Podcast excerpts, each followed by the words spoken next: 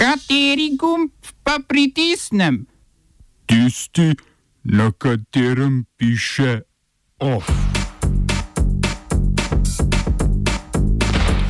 Facebook bo teden pred ameriškimi volitvami omejeval politično oglaševanje.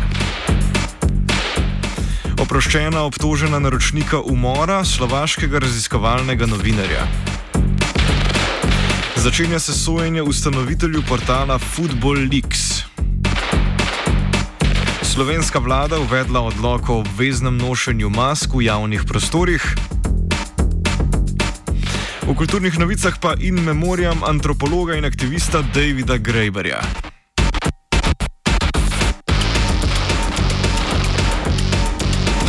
Dobar dan. Iz ameriškega družbenega omrežja Facebook so sporočili, da teden pred ameriškimi volitvami, torej tik pred 3. novembrom, ne bodo dovolili objave novih političnih oglasov na omrežju.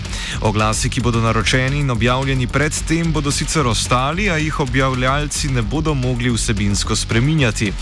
Največje svetovno družbeno omrežje je bilo v preteklih mesecih tarča hudih kritik zaradi slabega oziroma popolnoma neobstoječega nadzora nad oglasnimi vsebinami na strani strani, prek katerih naj bi oglaševalci širili škodljiva in lažna sporočila. Glavni Facebookov tekmec Twitter je že pred letom povsem prepovedal politične oglase, podobne korake pa sprejemajo tudi pri Googlu in z njim povezanih oglaševalskih storitvah.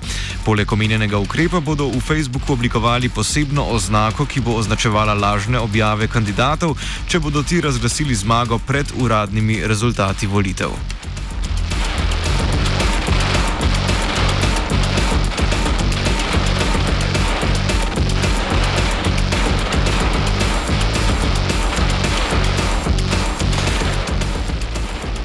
Po besedah prisotnih so predstavniki srpske in kosovske vlade na pogovorjih v Washingtonu dosegli pomemben napredek pri otoplitvi odnosov med političnima entitetama. Dogovor naj bi vseboval predvsem izboljšanje gospodarskega sodelovanja med Kosovom in Srbijo. Kosovska vlada je sicer junija ukinila 100 odstotne carine na blago iz Srbije, a je trgovanje na kosovsko-srpski meji še vedno močno oteženo. Napredek je pozdravil tudi kosovski premijer Abdullah Hoti, srpski predsednik Aleksandr Vučić pa je ponovno povdaril, da je napredek mogoč le ob odstranitvi medsebojnega priznanja, ki ga je vseboval prvotni predlog dogovora. Po medijskem sporočilu Bele hiše naj bi ameriški predsednik danes prisostoval podpisu dogovora med voditeljema, ni pa še jasno, kakšen dogovor, če sploh, bosta podpisala.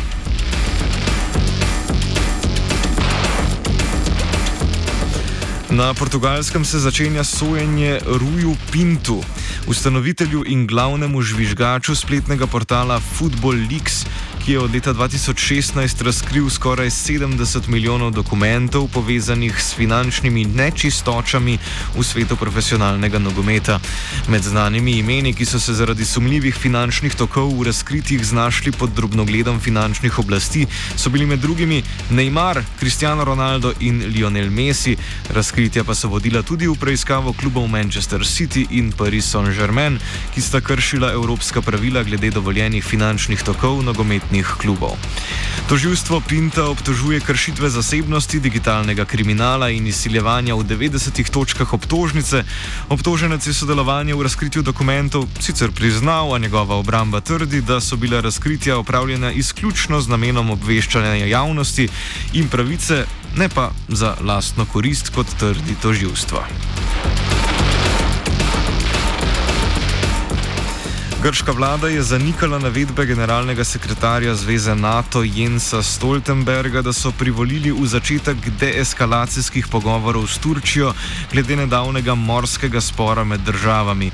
Stoltenberg je v četrtek zvečer prek družbenih omrežij sporočil, da se je pri dogovorih o začetku pogovorov zgodil preboj, a so njegovo izjavo grške oblasti nemudoma zanikale.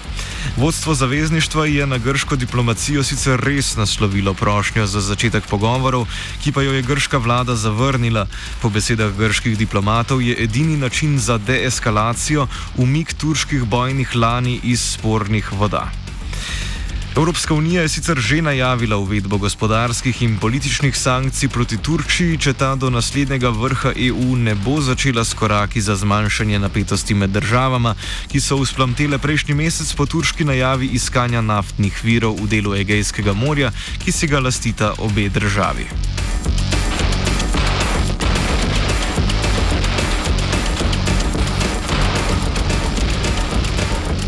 Senat posebnega kazenskega sodišča v Bratislavi je odločil, da Marijan Kočner in Alena Zuzova nista kriva načrtovanja in naročitve umora slovaškega preiskovalnega novinarja Jana Kucijaka in njegove zaročenke Martine Kušnirove leta 2018.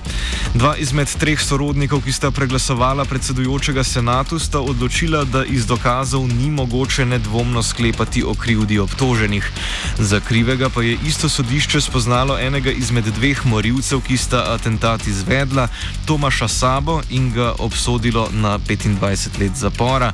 Drugi morilec Miroslav Marček je umor takoj po prijetru priznal in prestaja 23-letno zaporno kazen. Kočner bo kljub oprostilni sodbi, na katero se bo toživstvo pritožilo na vrhovno sodišče, ostal za zapahi, saj je bil v nepovezanem postopku obsojen na 19-letno zaporno kazen zaradi finančne goljufije in ponarejanja. Oba, če, če bom odgovoril na angliški. Slovenija will try to help. We can Slovenija will and we will do our utmost To say that the situation is our problem ourselves. and uh, We will make further steps as soon as the conditions are bomo vlado Marjana Cererja, Mira- eh, Marjana Cererja Šarca podprli. uh, very, very serious. we know how and we will.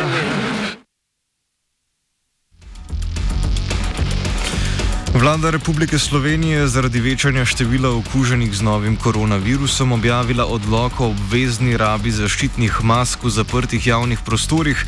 Po novem nas bo v primeru, da bomo v zaprtem javnem prostoru, kjer ni mogoče zagotoviti ustrezne varnostne razdalje, brez maske doletela globa. Odlog se nanaša predvsem na javni transport in druge kraje, kjer z drugimi ukrepi ni mogoče zagotoviti preprečevanja prenosa, so povedali v vladi. Po njihovih besedah bodo pristojne inšpekcijske službe začele izvajati tudi ostrejši nadzor ter ljudem izdajati globe. Ukrep za zdaj ne velja v izobraževalnih ustanovah, kjer še naprej veljajo isti ukrepi kot ob odprtju šol 1. septembra. Po podatkih vlade zaenkrat še ni primera prenosa okužbe z otrok na odrasle, kljub temu, da je zaradi okužb v karanteni že več osnovnošolskih in srednješolskih oddelkov ter vrtcev.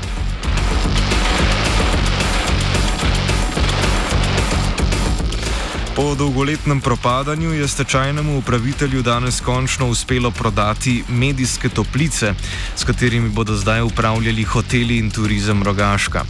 Medijski vrelec je omenjal že Valvazor v slavi Vojvodine Kranske, kopališče pa so tam prvič uredili že leta 1877. Po drugi svetovni vojni je bil na kopališču urejen olimpijski bazen, leta 1985 pa hotelski kompleks.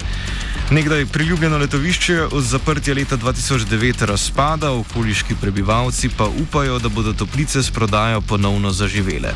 Prodajo so pozdravili tudi v občini Zagorje ob Savi, kjer upajo, da se bodo dolgoletne izkušnje kupca v hotelirski in zdraviliški dejavnosti pozitivno preslikale tudi na njihovo občino.